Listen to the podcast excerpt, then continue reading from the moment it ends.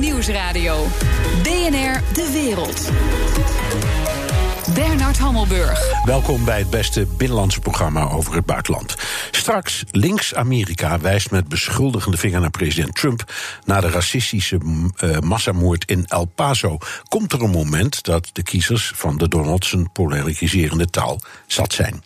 Maar nu eerst, al 18 jaar is het oorlog in Afghanistan, maar volgens NAVO-baas Jens Stoltenberg is de vrede nu in zicht. We went into Afghanistan together and we will take decisions about the future of our mission together. First of all, these uh, negotiations are extremely important because uh, uh, they uh, mean that we are now closer to a peace deal than we have ever been before in Afghanistan. Ik ga erover praten met Afghanistan-expert Olivier Immer. Welkom. Goedemiddag. Um, ja, ik zeg Afghanistan-expert, dat is niet helemaal eerlijk. Hè? Het, is, het, is... het gaat over Zuid-Azië. Ja, ik zeg het erbij omdat we straks eventjes over Kashmir natuurlijk gaan praten. Ja. Okay. Uh, even naar meneer Stoltenberg uh, daarnet. Die zegt, um, uh, vrede is in zicht. Heeft hij gelijk? Nee.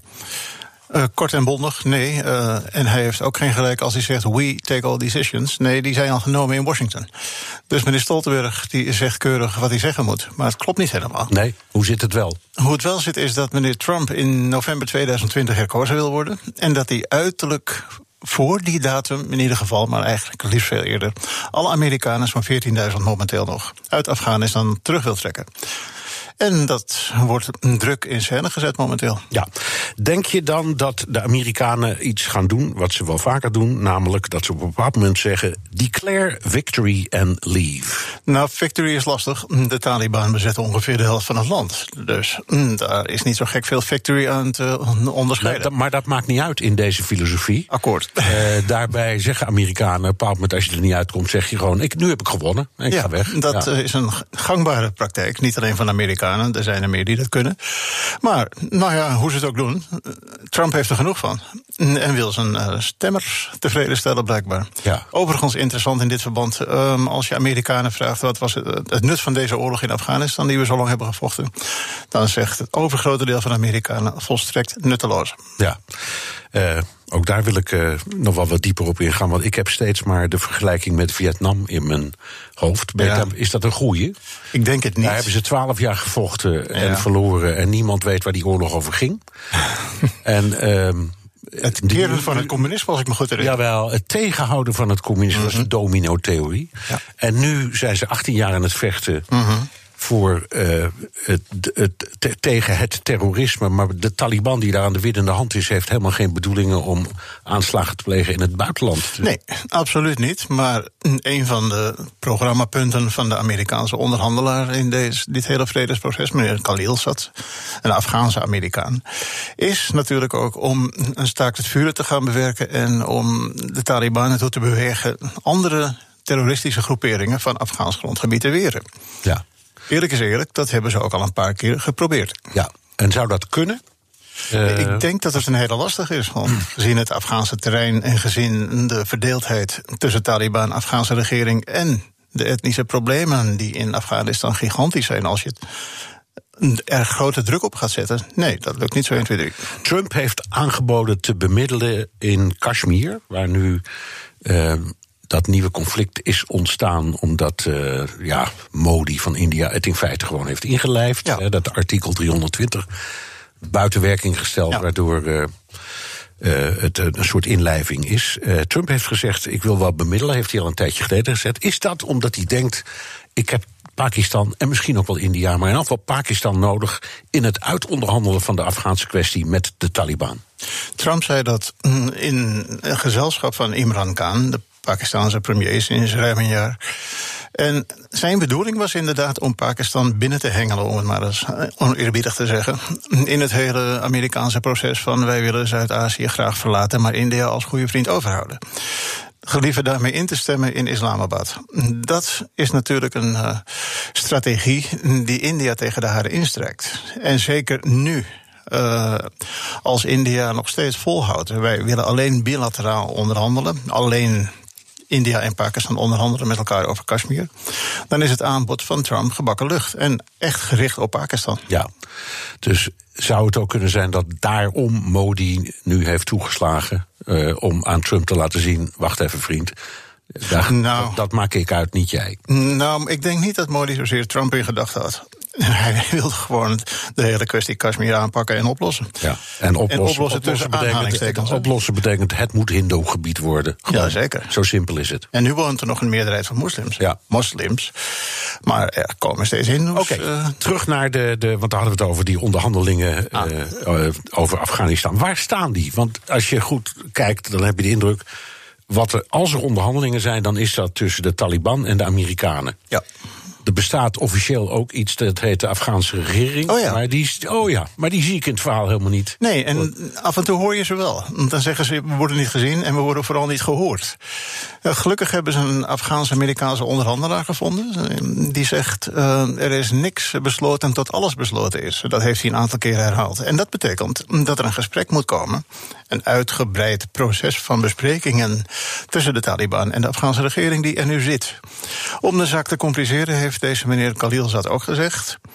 Als er een akkoord komt voordat de Afghaanse presidentsverkiezingen worden gehouden op 28 september, dan gaan we die uitstellen. Komt er geen akkoord, dan gaan de presidentsverkiezingen door. Met andere woorden, de Afghaanse presidentsverkiezingen worden ook gebruikt als hefboom om de Taliban naar de tafel te krijgen. Ja. En de regie is dus in Washington. De regie ligt in Washington, ja. zonder meer. Oké, en hoe staat nu de Taliban in dit hele verhaal? Want um, die, onderhand, die praten dus wel met de Amerikanen. Nu wel, ja. Ja, um, wat is dan hun visie? Waar willen zij heen? Wat willen ze bereiken? Taliban wil hetzelfde als wat ze al geprobeerd hebben en wat mislukt is. En misschien in een iets lichtere vorm. Taliban light zou je met een term van nu kunnen zeggen. Um, maar wel degelijk de staatsmacht heroveren. En er zijn mensen die dat hardop bevestigen. Zoals bijvoorbeeld Hussein Haqqani, een voormalige Pakistaanse diplomaat. Ja, maar die zegt: we zijn niet wat wie, wie we vroeger waren. Dus uh, we, hebben nu een nee. we hebben nu een ander masker voor. Dat zeggen de Taliban zelf. Ja. Ik ben zo vrij om dat met een korreltje zout te nemen, gezien alle acties en uitspraken die ze doen. Ja. Dus dat is hun streven.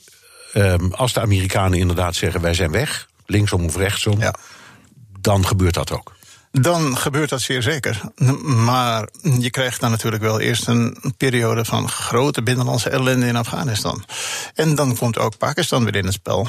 Pakistan is druk bezig om die 2600 kilometer grens met Afghanistan uh, af te grendelen. Met schuttingen en wachttorens en meer van dat soort zaken. Zelfs in dat krankzinnig ingewikkelde uh, Waziristan, waar je bijna. Daar kan, Juist, in dat Waziristan. Daar kan je toch geen muurtje bouwen? Nee, dat wordt ook een, een prikkeldraadschutting ja. uh, van een 2, 3 meter hoog. Ja. Die staan al voor ruim 800 kilometer. Zo. Dus, ja. dus het schiet lekker op. Oké, okay, dus dat, dat willen ze nu. Oh, nog even over Pakistan heeft altijd een wonderlijke rol gespeeld. Het bestrijdt de Taliban in eigen land, maar het steunt de Taliban in Afghanistan. Ja, maar de Pakistanse Taliban zijn een ander verhaal dan de Afghaanse natuurlijk. Uh, hoewel ze voor een deel uit dezelfde etnische groepering voortkomen, de Pashtunen. Er zijn meer Pashtunen in Pakistan tussen haakjes dan in Afghanistan, hoewel Afghanistan de thuisbasis van de Pashtunse volkeren, stammen heet te zijn. Oké. Okay. Uh, Pakistan heeft natuurlijk een veel kleinere Pashtunse en Taliban aanwezigheid dan Afghanistan. Dat maakt het grote verschil. Ja. Maar uiteindelijk is de Taliban toch de Taliban. En ik neem aan dat er enige verbroedering in het vizier ligt van, van aan weerskanten. En dat ah. hun ideaal is om het voor het zeggen te hebben in Pakistan en Afghanistan. Ja, zeer zeker. Dat is de droom. Zeer zeker. Dat is de droom van elke fatsoenlijke Taliban. Ja. Maar dat is een kleine minderheid van een beweging. En voor deze lieden nu aan de macht komen, ze worden met alle mogelijke middelen teruggeslagen onder de regering Imran Khan. Ja, dus dat is Pakistan. Dat is Pakistan. Ja. In Afghanistan worden ze ook met alle mogelijke middelen teruggeslagen, inclusief miljarden dollars van Amerika om het Afghaanse leger te steunen. Maar dat is een ander verhaal. Ja, daar komen we direct op. Uh, uh, over die uh, buitenlandse steun. Er zijn VN-cijfers over oorlogsslachtoffers in het eerste half jaar. In de eerste helft van 2019 zijn er 1366 burgerdoden gevallen in Afghanistan. Voor het eerst hebben het Afghaanse leger en buitenlandse troepen meer burgerslachtoffers gemaakt dan de Taliban. Hoe is dat mogelijk na 18 jaar westerse inzet in Afghanistan? Dat is een aardige vraag om, om niet te beantwoorden. Maar oké, er zijn natuurlijk wel antwoorden te vinden. Uh, er wordt erg, erg hard gejaagd op de Taliban door met name de special forces van het Afghaanse leger. Die special forces die zijn in het leven geroepen een aantal jaren geleden, alweer drie, vier. Omdat de reguliere troepen van het Afghaanse leger niet tegen hun taak bestand bleken. Met andere woorden, de Taliban boekten te veel terreinwinst. Nu zie je, zeker met het aantreden van president Ghani, die hopelijk voor hem in september wordt herkozen. Um, dat er steeds meer aanslagen komen op middenkader van de Taliban. En natuurlijk worden er ook allerlei Taliban, uh, hoe noem je dat, die concentraties fatsoenlijk. Um, kampementen worden aangevallen vanuit de lucht. Want Afghanistan heeft tegenwoordig ook een beperkte luchtmacht. Ja, nou en andersom. Want er was uh, vannacht, geloof ik, weer een kolossale aanslag van de Taliban in Kabul, notabene, de hoofdstad. Ja. En dat gaat maar door. En dat maakt ze niet populair bij de Afghaanse bevolking. Nee, maar goed, na, na 18 jaar is het Westen niet in staat. Nee. Nee, dat kunnen we toch vaststellen. Zo dadelijk. Moet je dan na 18 jaar niet gewoon zeggen: deze oorlog hebben we verloren? Allemaal inpakken en wegwezen. BNR Nieuwsradio. BNR De Wereld. Ik praat verder met mijn gast Afghanistan-expert Olivier Immig. 147,000 people are believed to have been killed in the past 18 years of war in Afghanistan, with the Taliban and armed groups on one side and the Afghan government backed by NATO on the other. In 2018, almost 11,000 civilians were killed or injured, a figure that has nearly doubled in nine years. Het Westen zit al 18 jaar in Afghanistan. Zijn we er ook maar iets mee opgeschoten? Op korte termijn, gezien de verhouding tussen Taliban en de Afghaanse regering, westerse eh, bondgenoten, niet zo gek veel. Op langere termijn eh, zie ik wel een lichtpuntje. En ik was blij dat ik het vond, eerlijk gezegd. Nou, ik ben ook benieuwd. Mooi. Als je 18, 19 jaar in een land bent militair en daar niet alleen militair in investeert, en dan gaat het over vele tientallen miljarden, maar ook scholen en klinieken opricht en af en toe een, een weg bouwt die langer dan een jaar blijft liggen, dan zijn er blijkbaar ook miljoenen Afghaanse kinderen van de huidige jonge generatie die geschoold zijn in een meer westerse, in ieder geval veelzijdiger traditie. Dat is een bijzondere ontwikkeling. En als je Afghaanse jongeren ondervraagt hierover, en ik mag dat af en toe doen, eh, omdat ik dat interessant vind, uiteraard. Ja, ja. Dan zijn ze daar eh, on, ondubbelzinnig over. Onze opvoeding willen wij voortzetten. Onze broertjes en zusjes die nu nog jonger zijn, die willen wij hetzelfde mee laten, mee laten krijgen, mee laten geven. Um, wij willen niks meer met die Taliban te maken hebben, want het is een beetje een erg achterhaalde beweging. Dus dat, is wel, dat past wel in het verhaal dat het Westen destijds koos om erin te trekken. Los nog van het feit dat Al-Qaeda daar zat en dat het, het in, in, in de slipstream van 9-11 kwam. Maar dat was een beetje, ik kom direct nog op terug hoor, mm dat was een beetje het narratief ja. toen. Um, mijn eigen ervaring daar, uh, is alweer een tijdje geleden, zeg ik erbij, is toch anders. Ik heb ook die mensen gesproken. -hmm. Maar dat is dan toevallig toch meestal in de grote bevolkingscentra. Ja. Uh, dat is niet op het platteland. Nee. Daar wonen toch de meeste mensen? Nee. Zo langzamerhand. Daar begint het inderdaad te urbaniseren. En dat is een cruciaal onderscheid. Ja. Want ja. daar zijn de meer seculiere Afghanen te vinden over het algemeen. Van de 34 miljoen. Het is nog een minderheid. Maar als je kijkt naar welk deel van Afghanistan de Taliban bezetten, het wordt gezegd tussen de 50 en 70 procent. Oké, okay, fijn. Uh, laat het 50 procent zijn. Dan is dat voornamelijk platteland. En het is een aanzienlijke minderheid van alle Afghanen die onder Taliban bewind vallen. En zelfs die zeggen in meerderheid: wij willen dit niet. Nee. Oké, maar het idee als ik mag zeggen, de frame van destijds, vlak na 9-11 was. Wij moeten daarheen. Um, en we hebben dan een missie. Nederland had daar ook een prachtige uitdrukking voor. 3D. Oh ja. De, diplomacy, uh, defense development, defense, development. En allemaal mooie dingen. Allemaal mooie dingen, terwijl je gewoon moet... Nee, we gingen daar gewoon naartoe om te knokken. Ja, en omdat we de boodschap kregen uit Washington, jullie doen ook mee. Jullie doen ook mee, precies. En artikel 1 van, uh, artikel 5 van het NAVO-handvest is ingeroepen. Uh, dus dat is allemaal gebeurd, dus we hadden ook niet zo heel veel keus. Maar goed, de frame was... er komt toch een beetje een, een model zoals wij dat in ons hoofd hebben. En zeker de Amerikanen met hun Pax Americana. Ja. Dus je krijgt een parlement en je krijgt een rechtbank. En je krijgt open verkiezingen. En, nou, noem allemaal maar op. Daar is toch niet of nauwelijks iets van terug te vinden. Ehm, structureel weinig. Institutionalisering is een moeilijk woord in Afghanistan, tenzij het over corruptie gaat. Ehm, ja. Moet je het dan opgeven, is de andere vraag. Dat is precies de vraag die ik wil stellen. Nog Nee. wat, nog wat dingen, nog wat dingen. Ehm, meisjes naar school. Er zijn een paar meisjes die naar school gaan. Dat- Nou, dat zijn er wel een heleboel. Nou ja, maar goed. En wat leren ze? Leren ze daar nou kwantummechanica of de Koran?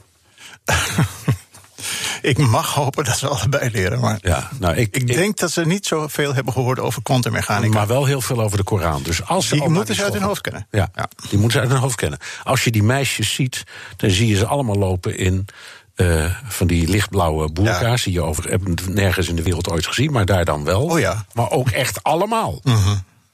Eh, Ik krijg niet de indruk dat daar sprake is van eh, de terugkeer naar het liberalisme. zoals Afghanistan in het verleden wel degelijk heeft gekend. Eh, in de grote steden wel, ja, maar op het platteland jamais. Nee. Ehm, het is een rechteloze dictatuur. Ja. Het is corrupt. 95% van de bevolking is analfabeet. Het is de grootste opiumproducent ter wereld. Ja, dat wordt vaak over het hoofd gezien. Ja. En, Alles wat daarmee samenhangt is natuurlijk ook van groot economisch belang. en het is nog steeds, ik geloof het op twee na armste land ter wereld. Ja. Nog altijd een slachthuis. Ja. Dus, weer opnieuw de vraag, wat hebben we daar nou bereikt? Nou ja, ik had één lichtpuntje en gek veel meer heb ik er niet eerlijk gezegd. Maar ik hoop dat het wat doet. Ja. Veel meer kan ik daar helaas niet aan toevoegen. Ehm, zelfs het Afghaanse regeringsleger, wat ooit met de bedoeling is opgezet om de westerse troepen, inclusief de Amerikaanse, een compleet te vervangen. eh, stroomt leeg en moet als een, een waanzinnige recruteren om überhaupt op kracht te blijven. En dat geldt ook voor de Afghaanse politiemacht. Het geeft aan hoe sterk de Taliban weer geworden zijn. Hoewel in 2004 George Bush riep: We hebben gewonnen. Ja. We kunnen ermee ophouden. Ja. Declare victory and leave. Ja. Bekende Amerika. Nou, dat lief, dat was een beetje lastig. Ja, dat was, nou ja, eh, Obama, heeft het geprobeerd, eerlijk gezegd. Die wou gewoon weg. Trump heeft vanaf meet af aan gezegd, we gaan daar weg. Dus Ja. dat, dat is ook, eh, daar is op zichzelf niks eh, geheimzinnig aan. Nee, maar het is, de vraag is, waarom ben je er geweest? Hoe leggen wij uit waarom die 25 Nederlanders zijn gesneuveld? Ja. En waarvoor ze zijn gesneuveld? Ik heb het dus gevraagd aan een Nederlandse soldaat die daar gediend heeft. En die zei: We hebben het helemaal fout gedaan. We hebben ons bemoeid met iets waar we niks van afwisten. Eh, we hebben doelstellingen nagestreefd die daar helemaal niet haalbaar zijn. Helaas, deze, deze man had het niet voor het zeggen. Maar het is wel grappig dat in een later stadium een minister van Buitenlandse Zaken als Hillary Clinton zegt: de Dutch approach, nou dat is geweldig. Dat was toen we in Oeroes bezig waren. Ja.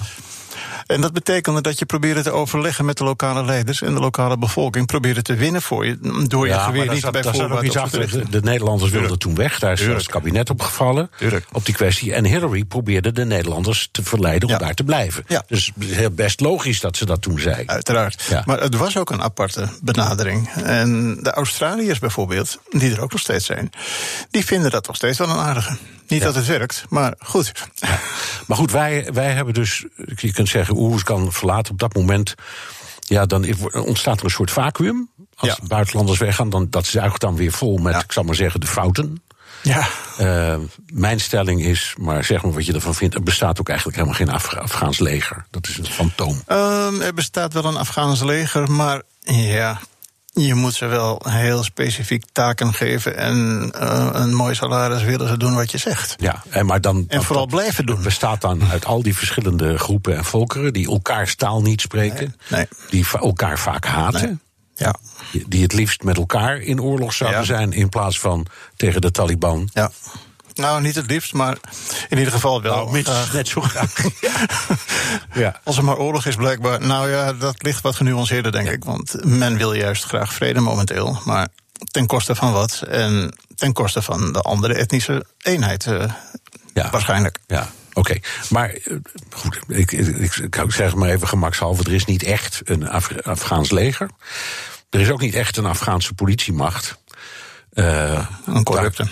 ja, goed, maar daar, daar heeft Nederland dan uh, zich voor ingespannen. Ja, ja. In het noorden van het land. Kunduz. Ja. Uh, en daar geldt hetzelfde. Op het moment dat je weg bent, ja, er zitten er nog een paar trouwens. Ja, ja, 160 of zo. Ja, maar op, Ja. Het, op het moment dat je weg bent, is dat effect weer weg. Ja, en het is als een, een vijver die bevriest. Als het eh, ochtend wordt, dan verdwijnt het ijs. En dan kan je weer naar hartelust Ja. rondbadderen. Dat betekent, er zijn twee mogelijkheden. Ofwel, je zegt, wat bijvoorbeeld in de Balkan is gebeurd Mhm. door de NAVO. We gaan erheen en we blijven daar 12, 13, 14, 15 Ja. jaar zitten. Ja, dat kan. Dat kan. Dat, en dat, Of je zegt, we trekken ons helemaal terug, want het wordt toch niks. Ja. Ehm, als je helemaal terugtrekt, dan loop je natuurlijk het risico, en dat is inzet van de huidige vredesbesprekingen onder andere, dat er andere groeperingen van buiten Afghanistan, die zich daar inmiddels gevestigd hebben al. Dat komt niet, dat is er. Ehm, weer al- IS. IS met name. Ja. Hele vervelende dingen gaan uitspoken richting het westen. Ja. Want daar gaat het over. Oké, maar dat was ook het argument na 9-11. En dan kan je de halve wereld wel overtrekken. Want, Klopt. want dat soort ehm, organisaties zoeken altijd de zwakste plekjes. En die, vind je, en die vind je wel. Ja. Dus dan kun je toch zeggen, nou, dan maar beter inpakken en wegwezen. We zien wel. Als je die 8 à 10 miljoen Afghanen, die inmiddels wel een fatsoenlijke opleiding in onze ogen dan hebben gehad. En in Afghaanse ogen een hele hoge, bijzondere positie zouden kunnen gaan bekleden. in de steek wil laten, dan moet je dat vooral doen. Ja, maar dat is dan toch weer een moreel argument. Absoluut. Ja, en we praten hier over, eh, wat zei ik net, Eh, 1400 slachtoffers alleen al in, Ja. in een half jaar Ja. onder de burgerbevolking. Ja. Nou, zo moreel klinkt mij dat allemaal niet in de oren. Nee, oké, akkoord. Eh, de, de andere kant heeft wel een hoog moreel en moraal, blijkbaar, de Taliban. Maar die zijn absoluut niet van plan om het anders aan te pakken dan ze tussen 1995, 96 en 2001 hebben gedaan. Ondanks alle propaganda over het tegendeel. Ja.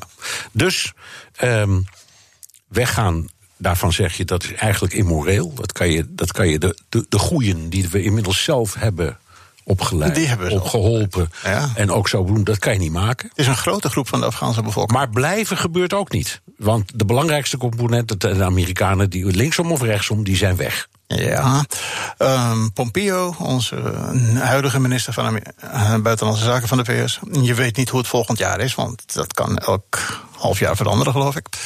In Washington. Die ehm, heeft gezegd: we blijven net zo lang als nodig is om in ieder geval het Afghaanse leger zo sterk mogelijk te houden. Ja. Dus een compleet vertrek is niet aan de orde, blijkbaar. Ofwel, we hebben te maken met Trump en Pompeo. En dat zijn hele ingewikkelde mensen, blijkbaar. Niet echt goed te bevatten voor veel Afghanen of Westerlingen voor dat. Nee, maar je kunt, je kunt ook ze zullen kijken, wel blijven. Je kunt ook kijken naar de Amerikaanse begroting. Met Ja. De grootste m- Een rekeneenheid. miljardenstrop ongeveer uit geschiedenis, deze oorlog. Ja. En een congres en een volk die allebei roepen: het is mooi geweest. Het is genoeg. We hebben Ja, die centen klopt. echt hard voor iets anders nodig. Ja, Dus wat dat betreft hebben Pompeo en Trump het tij mee. Niet alleen door hun stijl, maar gewoon politiek. ja. Het is een, een, eh, een beetje. eh, een platte rekensom geworden, zo langzamerhand. Ja. In november 2020 wil Trump herkozen worden. We moeten zorgen dat we elke vorm van populariteit die we kunnen winnen, ook te, te pakken krijgen. Ja. En Afghanistan valt daar ook onder. In Afghanistan spreekt men over de second leave. Het tweede in de steek laten door de VS. Want daar is men doodsbang voor. Ja. En, maar het gaat toch gebeuren. En met de Verenigde Staten moeten alle landen ook weg. De Duitsers in het noorden, Ja. de Nederlanders in het Ja. Nederlands in het noorden. We zijn, we zijn kansloos zonder die Amerikaanse steun. Ah, ik vrees van wel. Aan de andere kant, eh, je hebt nog wat andere landen. En met name in de regio. Die zich wel degelijk op Afghanistan zullen storten dan. En dan gaat het niet alleen over Pakistan. Maar het gaat ook over China en Rusland. Ja, ja, dat is waar. Pakistan heeft daar natuurlijk. Of die hebben al. Ja. Dat zal ongetwijfeld gebeuren. Maar mag ik concluderen dat dit eh, in geval in deze 24 minuten niet oplost? Eh, ik ben er nu een jaartje of, nou, wat zal het zijn? Sinds 79 mee bezig. En ik ben al lang blij als ik wat lichtpuntjes heb kunnen ontdekken in die periode. En er zijn er wel. En dat zijn, het zijn Maar toch vele, zijn te vele, vele miljoenen mensen die we wel degelijk wel hebben geholpen. Dank voor het gesprek, Afghanistan-expert Olivier Immig. BNR Nieuwsradio. BNR De Wereld. Bernard Hammelburg. Amerika is in shock na de racistische aanslag in El Paso. En Donald Trump, Trump krijgt de schuld. We have a president of the United States who is particularly responsible. I, I, in my faith, have this idea that you reap what you sow, and he is sowing seeds of hatred in our country, and this harvest of hate violence that we're seeing right now uh, lies at his feet. Dat zei de democratische presidentskandidaat Cory Booker. Ik ga over praten met Amerika-deskundige Koen Petersen, Amerikanist en schrijver van Einddoel, Witte Huis en Showtime. Fijn dat je weer hier in de studio bent. Goedemiddag. Uh, Trump krijgt direct en indirect van zijn tegenstanders de schuld in de schoenen geschoven. Hebben ze een punt? Nou ja, Trump heeft zich altijd wel heel erg genuanceerd uitgelaten over extreem rechts en er een soort legitimatie aangegeven. Dus het is heel begrijpelijk dat de democratische presidentskandidaten Trump de schuld geven of mede verantwoordelijkheid geven voor schietpartijen waarbij rechtse motieven ook een rol spelen. Als je een stap terug doet, dan moet je ook realiseren dat dit soort grote schietpartijen de afgelopen twintig jaar al met grote regelmaat terugkomen. Ook toen Trump nog niet in het Witte Huis zat. Dus hij heeft niet heel veel gedaan om uh, de temperatuur wat te verlagen. Maar tegelijkertijd uh, is het wel een fenomeen dat ook al voor zijn presidentschap scheelde. Dus hij speelt een uh, rol mogelijk, maar hij is niet de oorzaak hiervan. Nee. Even iets waar heel veel mensen die roepen: hij moet helemaal niet naar El Paso gaan, want daar, daar zitten zijn Latino-tegenstanders, de mensen waarvan hij zegt dat het uh, allemaal racisten, smeerlappen, dieven, moordenaars, prostituees en ga zo maar door zijn. En daar gaat hij nu juist heen. En anderen zeggen, ja, wat moet hij dan? Uh, een president na zo'n ramp gaat gewoon daar keurig heen. Heeft ja, je hij dat verstandig aan gedaan? Ja, dat denk ik wel, want dat hoort bij zijn uh, functie. Hij is een persoon en hij is een uh, functionaris. En een president hoort het land ook te helen als er uh, ellende is. je kan het een beetje vergelijken met koningin Beatrix... die destijds naar de Belmer ging toen het vliegtuig ook daar was neergestort. Je moet er zijn, je moet zichtbaar zijn. Ik denk dat het goed is dat Trump dat heeft gedaan. En ook politieke tegenstanders die, laat ik zeggen, onderdeel waren van het ontvangstcomité... dus een functie hadden lokaal, hebben ook wel in de media gezegd... van ja, we zijn geen fan van Trump, maar hij is president. We respecteren dat hij komt en hem netjes ontvangen. Ja. En ik denk dat dat ook zo hoort. De schutter in uh, El Paso gebruikte in zijn manifest taal die Trump ook gebruikt heeft. Zoals het woord infestation, wat plaag betekent, en invasion. Dat gaat dan allemaal over die Latino's. Dan kun je zeggen, is dat iets waarvan we denken, oh jee, dat komt door Trump? Of zeg je dan, nee, dat zijn sentimenten die er gewoon altijd zijn geweest? Ja, die rechtse sentimenten die zijn aan de grens altijd wel geweest. Want ook voor Trump had je al van die burgermilities die schoten op uh, illegale immigranten. Ik bedoel, zo erg is het uh, daar. Tegelijkertijd zie je ook wel dat op het internet allerlei manifesten uh, de ronde doen. En er is een trend gaande waarbij schutters of andere mensen die andere verschrikkelijke dingen doen, ook weer citeren uit manifesten van andere mensen die dat doen. Er is een soort community aan het ontstaan. Dus dat wordt geciteerd uit geschriften van anderen. Dat is ook niet, niet nieuw. Um, en het zal ongetwijfeld ook gebeuren dat mensen een soort legitimatie ontlenen aan wat eh, Trump heeft uh, gezegd. Waarmee niet gezegd is dat Trump ook heeft opgeroepen tot dat uh, geweld. Maar de politieke discussie is wel heel gevoelig. Ja, um, nou ja, het is ook maar hoe je het leest en hoe je naar zijn teksten kijkt. Komen we direct nog wel even over. Voor de duidelijkheid, er zijn dit jaar, geloof ik, al het, iets van 256 mass shootings geweest. En een mass shooting wordt gedefinieerd als een schietpartij met uh, minstens vier slachtoffers. En dat is dus meer dan één keer per dag. Dus wat dat betreft heb je een punt is het helaas niks nieuws onder de zon. Ja, en je ziet ook dat dat uh, ook niet iets is van de laatste jaren, maar echt van de laatste decennia. Uh, en dat is natuurlijk verschrikkelijk. In dat opzicht is die Amerikaanse samenleving ook tot op zekere hoogte ziek. Want in de normale samenleving gebeurt het niet. Nee. Nou zegt de, de FBI, ja, maar het aantal van die haatmisdrijven is de laatste drie jaar uh, wel enorm gestegen. Uh, dus kun je zeggen, door bijvoorbeeld Trump zijn taalgebruik, dat daardoor bij een aantal gekken de remmen wegvallen. Het is lastig om echt die correlatie of die causaliteit uh, te leggen. Wat je wel ziet is dat uh, Trumps uh, retoriek is toch heel anders dan ook zijn republikeins voorgangers hebben gedaan. Helemaal anders dan de democratische voorgangers. En wat je dan wel ziet is dat mensen een soort legitimatie aan denkbeelden ontlenen. als ze dat op een of andere manier kunnen teruglinken aan wat de president zegt of vindt of roept. Dus die correlatie kan er zijn, maar het is altijd heel lastig om dat echt rechtstreeks aan te tonen. Ja, nou ja, maar als je kijkt naar hoe die reageerde in een op zichzelf heel plezierig klinkend uh, toespraakje. Maar hij veroordeelt de haat. Maar begint dan ook te praten over uh, psychische ziektes, verslaving aan videospelletjes. Ehm, en dat zou dan de oorzaak zijn van dit soort ellende. Dat is toch net fout op zo'n moment? Ja, er wordt historisch altijd eigenlijk een, een soort drie klap uh, als verklaring uh, gegeven voor dit soort verschijnselen. Eén is het enorme wapenbezit in de Verenigde Staten. Er zijn meer vuurwapens dan burgers. Dus dat is op zichzelf wel iets waardoor die toegang tot wapens en het gebruik daarvan. 46% van alle wapens in de wereld zijn in het bezit van Amerikanen. Ja, en 43% van de Amerikanen hebben een wapen. Dat is dan voornamelijk op het platteland, omdat dat wat minder uh, in de steden is. Maar er zijn meer schietwapens dan burgers in de Verenigde Staten. Dus dat wordt als één verklaring gezien. Het tweede is dat uh, de psychische zorg voor Amerikanen ook heel erg beperkt is. Dus je hebt een veel groter aantal idioten en onberekenbaren die op straat rondlopen dan in veel andere landen. En de derde verklaring die ook wordt gegeven, ook al voor de tijd van Trump, is dat uh, geweld en schieten zo gewoon uh, is geworden, onderdeel van die cultuur door uh, videogames, door uh, gewelddadige films. dat dat ook in die combinatie als factor wordt gezien. En het is niet zo dat alleen maar door videospelletjes mensen opeens denken: ik ga, op de, ik, ik, ik, ga een schietpartij aanrichten. Nee, daar die combinatie is aangetoond dat dat gewoon niet waar is. Nou ja, die combinatie wordt historisch al gezien als, als verklaring voor, voor dit soort fenomenen. En. Um, er valt, iets, eh, er valt iets voor te zeggen, maar het is natuurlijk wel eh, iets wat eh, doorbroken moet worden. Goed, het wordt door heel veel mensen gevoeld als racistisch. Hoe dan ook.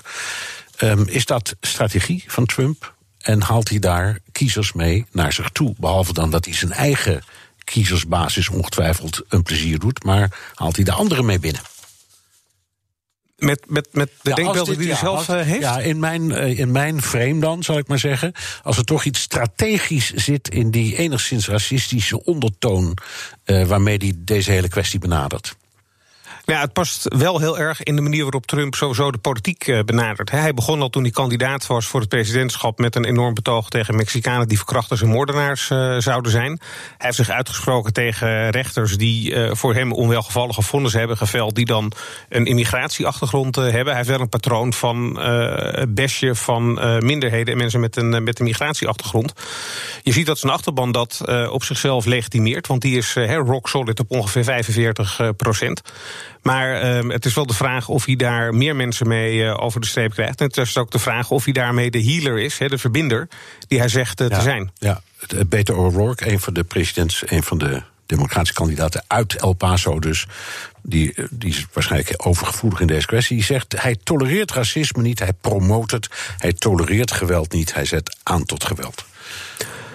Ja, nou is O'Rourke uh, inderdaad heel erg uh, betrokken. Hij is burgemeester van El Paso geweest. En hij is ook namens El Paso lang lid geweest van het Amerikaanse Huis van Afgevaardigden. Dus hij kent ook die mensen, hij kent die gemeenschap, zit er emotioneel in. Tegelijkertijd is hij ook een politicus die kandidaat is voor het presidentschap aan de democratische kant. En van wie de campagne heel erg niet goed gaat. Dus um, het kan ook zijn dat hij um, gebruikmakend van de verschrikkelijke situatie die er is. Dat hij het naar zich toe trekt. Ook uh, ja. probeert het politiek naar zich toe te trekken. Zoals ja. iedere andere politicus dat ook zou doen ja. in zo'n situatie. Ja, nu, uh, nu zegt Trump: de manier om aan deze kwestie iets te doen is een betere background check. Een achtergrondcheck van mensen die wapens kopen. Dan gaat volgens mij de federale overheid daar niet over, maar de staten en de steden. Um, maar dat lost toch het probleem niet op? Um, dat alleen zal het probleem ongetwijfeld niet, uh, niet oplossen. Maar wat je ziet is dat er een politieke moeilijkheid ligt om uiteindelijk wel tot veranderingen op dit vlak uh, te komen. 60% van de Amerikanen zegt dat er wat moet worden gedaan aan de wapenwetgeving. Maar 30% van de Republikeinen vindt dat en 90% van de Democraten. Dus dat is enorm uh, ja. verdeeld. Mensen en, die een wapen hebben, die vinden dat dat niet moet gebeuren. Nee. Uh, mensen die uh, geen wapen hebben, vinden het wel moet gebeuren. En 45% van de Republikeinen heeft een wapen en 15% van de Democraten. Dus je ziet dat het ook echt iets is wat die partijen enorm splijt. En wat het daardoor ook weer lastig maakt door de combinatie van um, politieke standpunten die bij de achterban vallen, geldschieters die een campagne ja. uh, invullen en um, uh, een verkiezingsuitslag voor politici om hun baan te behouden. En geen enkele president heeft ooit gezegd: ik wil af van het tweede amendement op de grondwet waarin dat wapen bezit. Luister even mee naar deze president. Like most Americans, I believe the Second Amendment guarantees an individual right to bear arms. I respect our strong tradition of gun ownership and the rights of hunters and sportsmen. There are millions of responsible, law abiding gun owners in America who cherish their right to bear arms for hunting or sport or protection for collection. Al dus Barack Obama. Ja. Dat is in de context van wat er nu gebeurt toch interessant. En want Obama zegt precies hetzelfde als al zijn voorgangers. En ook als Trump, in feite. Dus er is niet zoveel verschil, of zie ik dat verkeerd? Nee, Als je zegt het echte probleem is gewoon dat enorme wapenbezit, dan moet er een president komen die zegt daar moet het dan een keer mee afgelopen zijn. En dat doet niemand. Nee, ook omdat de steun onder democraten voor het eh, recht op wapenbezit nog eh, behoorlijk, eh, behoorlijk groot is. Wat je wel ziet, en dat is wel interessant, is dat de maatregelen die nu worden besproken, dus die background checks, dat eh 90% van de Amerikanen daarvoor, dus zowel aan de Republikeinse als aan de democratische kant van de Amerikanen, en niet van de politici, maar van de burgers. Ehm, een bedenktijd tussen het aanschaffen van een wapen en het uitleveren daarvan, om dat te verlengen. Eh driekwart van de Republikeinen en driekwart van de Democraten in het land is daar voorstander van. Dus er zijn maatregelen waar best wel brede steun voor eh, is. Maar als ik nu naar Kentucky rij, dan kan ik gewoon zo op de eerste de beste straathoek kopen wat ik wil, tot aan de grootste machinegeweren aan toe. Dat gaat toch niet veranderen? Dat zal niet snel veranderen, dat is, eh, dat is, dat is helaas eh, waar. Want dat maakt dus wel die toegang tot die wapens eh, enorm. En mensen die impulsief iets verschrikkelijks ermee willen doen, kunnen dat ook op een hele makkelijke manier doen. Ja, of ze gaan naar een gunshow, want daar gelden die regels meestal niet, daar kun je het zo kopen. Ja, er, Dus het d- ja. er, zijn, er zijn drie fora waar die regels eh, eh, eigenlijk niet of nauwelijks gelden. Eén is dat inderdaad op eh kunstshows, dus op beurzen, waar je eh, dat zonder legitimatie of zonder, zonder background check kunt eh, kopen. Twee is internetverkoop, wat ook toeneemt waar dat ook niet op van toepassing is. En de tweedehands wapenmarkt, waarbij je zegt van oké, ik ben Piet en ik verkoop mijn wapen aan eh, Jan.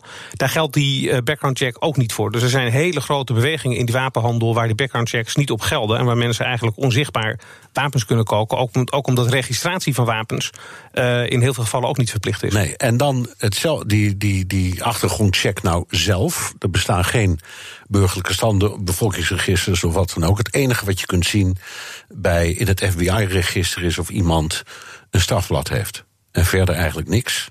Dus wat heb je aan die background check? Ja, het is een strafblad, plus ook nog of mensen geregistreerd staan als iemand met psychische eh, problemen. Maar de background check is wel heel erg beperkt. En hier werkt zich dus het wantrouwen dat Amerikanen hebben ten opzichte van de overheid. Waarbij je dus als een van de eh, maatregelen om burgers tegen de overheid te beschermen geen burgerlijke stand eh, hebt. Nee. En een Ehm, tweede amendement om je gewapende wijze te beschermen als ze op je afkomen. Ja, dat is waar. Dat heeft weliswaar een, een historische context. Omdat goed, toen het tweede amendement werd aangenomen, Amerikanen nog het, het, het land, eh, eh, de, de, de trek naar het, het, westen deden en geen enkele bescherming hadden ten opzichte van wilde beesten. Nee, en ook, een, en ook wantrouwen tegen een eh, centraal gezag. En wantrouwen tegen een centraal gezag. Maar ook de aanrijdtijden van de politie zijn in die landbouwgebieden enorm lang. En het is heel begrijpelijk dat mensen dan zeggen: Ik woon zo eenzaam en ik ben zo slecht beschermd. Het is wel handig als ik een geweer in de parapluwak heb staan. Ja. Zo dadelijk is de keiharde straattaal van nu een voorproefje voor de komende campagne voor het presidentschap. BNR Nieuwsradio.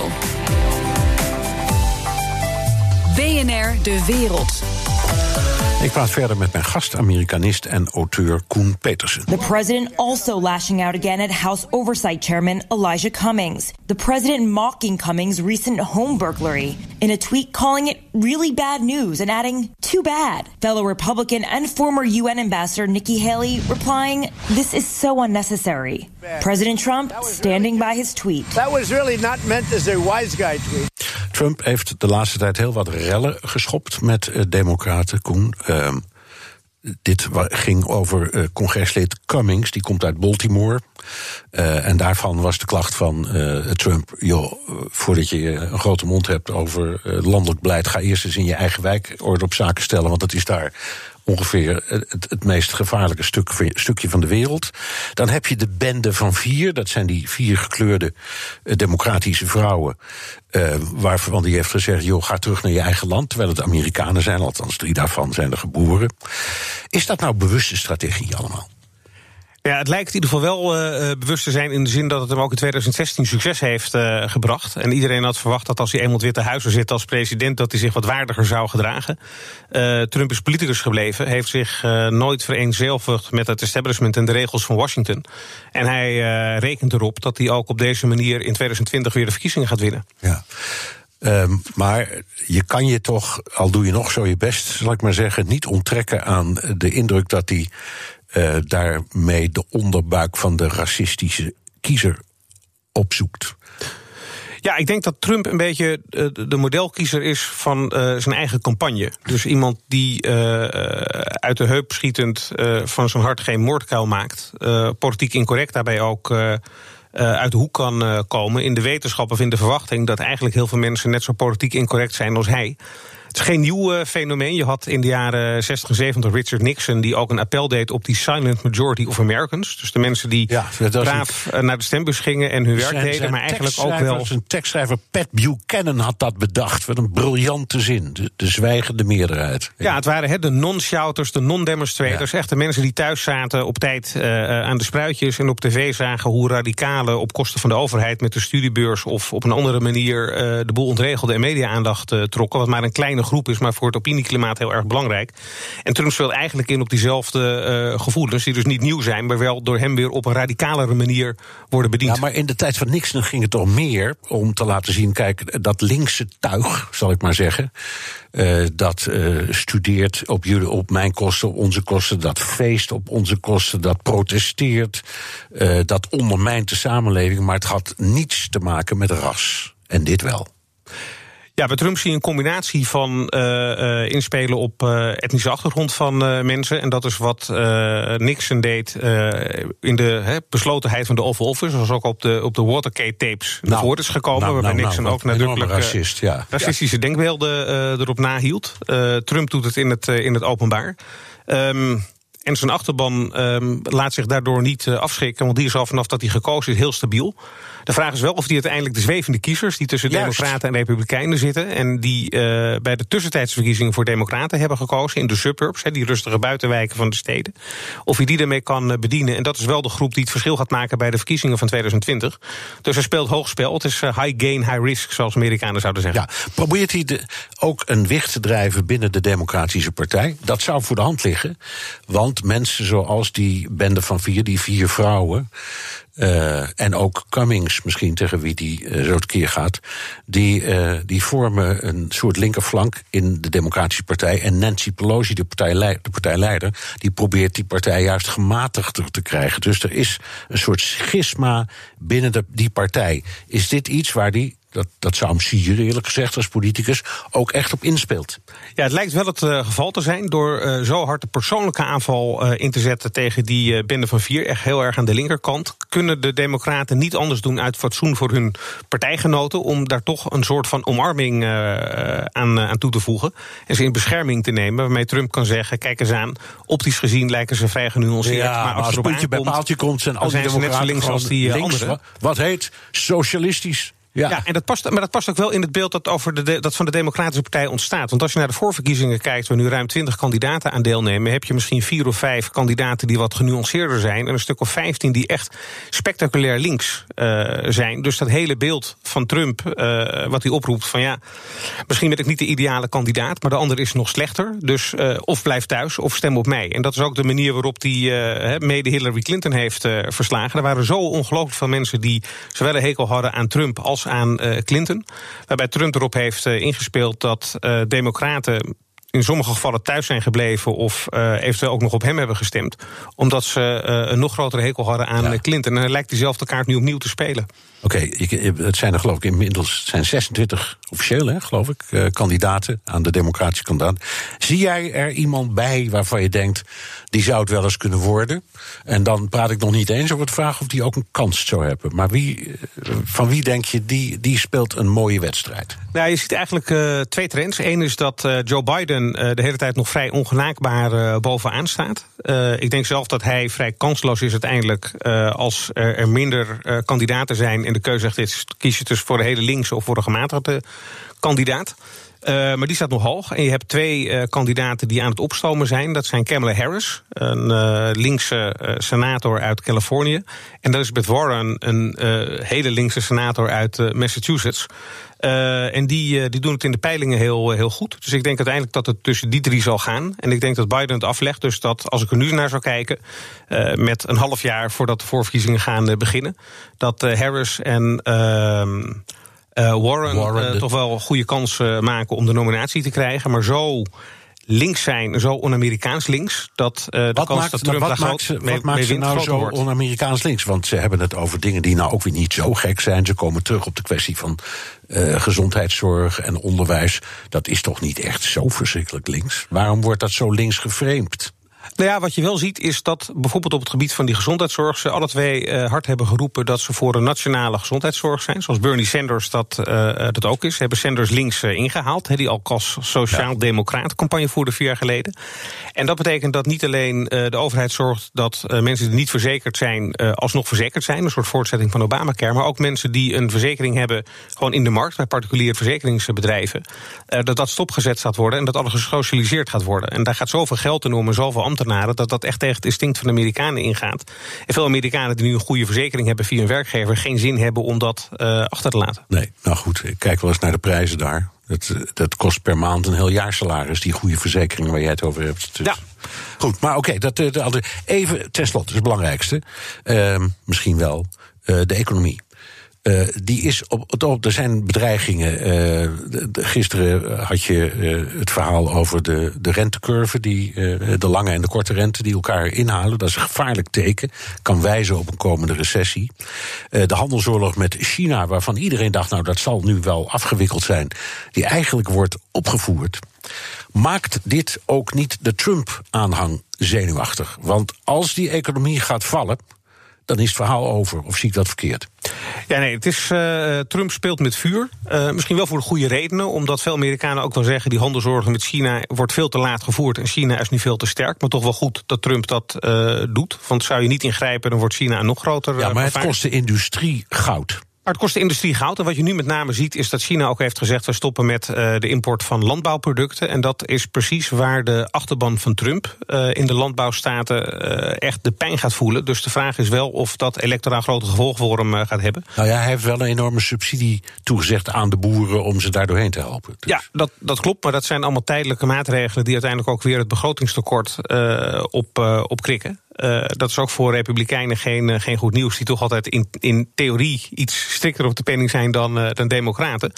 Maar Trump maakt zichzelf wel kwetsbaar daarvoor. Ik kan me wel goed voorstellen waarom hij het doet. Maar tegelijkertijd, als het explodeert vlak voor de verkiezingen, dan is hij weg. Ja, en dan komt die in jouw boek toch zeer linkse mevrouw Harris of mevrouw Warren plotseling bovendrijven. Ja, en dan gaan we interessante tijden tegemoet. Omdat Amerika denk ik heel erg zal moeten wennen aan uh, zo'n profiel. Maar ik denk nog niet dat het heel snel zover zal komen. Omdat dat linkse profiel denk ik toch uiteindelijk in de suburbs niet, uh, zal leiden nee, tot, nee. Uh, tot steun. Nee, bovendien heb je ook verkiezingen voor beide huizen. En dat heeft zowel naar de ene als naar de andere kant altijd een soort afremmende werking. Hè. Daar, dat, is, dat, dat, dat is vaak een beetje tegen de trend in. Ja, je ziet vaak dat de Amerikanen president kiezen en dan voor Senaat en Huis van Afgevaardigden voor een democraat. Of omgekeerd, om ook weer die uh, uh, machtsverdeling en dat machtsevenwicht uh, ook electoraal in stand te houden. en dat zou heel goed kunnen gebeuren dat ze zeggen toch maar Trump omdat hij voor banen zorgt. Maar alsjeblieft hou hem een beetje in toom, want een Trump die ongecontroleerd en ongeremd bezig gaat, kan een groot gevaar zijn voor zichzelf en ja. voor anderen. En nou, tenslotte het omgekeerde, gesteld dat de economie niet omvalt. En niemand weet het, dus het is allemaal maar speculeren.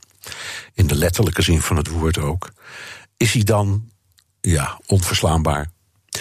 Dat denk ik wel, omdat de Amerikanen traditioneel altijd aangeven dat werkgelegenheid en uh, economisch uh, goede verwachtingen uh, het allerbelangrijkste zijn op basis van zijn stemmen. Er is geen Amerikaanse president niet herkozen waarbij de economie heel goed ging.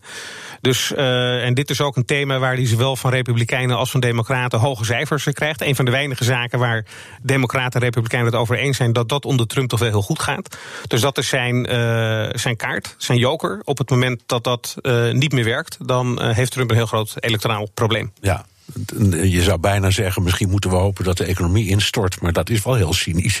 Dat is als je hoopt dat uh, Trump ook niet herkozen wordt. Nee. Uh, Amerikanen zie je wel dat die hebben een soort emotionele afstand tot de persoon van uh, Trump. Uh, en zijn wel blij met zijn uh, economische beleid. Daar scoort hij hoger dan zijn algemene approval ratings. Dus Amerikanen hebben graag Trumpisme zonder Trump. Alleen het een krijg je vaak niet zonder het ander. Nee.